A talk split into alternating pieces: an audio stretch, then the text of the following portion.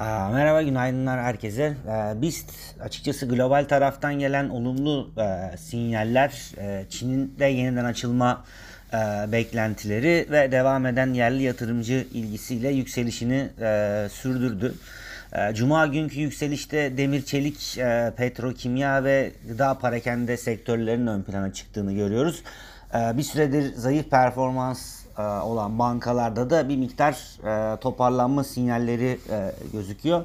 Demir çelik tarafında bu Ereğli'nin yeni madencilik alanındaki e, yatırım haberi buna ek olarak e, Çin'den gelen e, olumlu sinyaller, yeniden açıklanma e, beklentileri hani sektörü olumlu etkilemiş e, gözüküyor.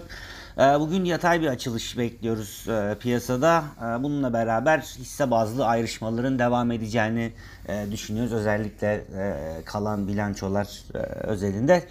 E, herkese iyi haftalar.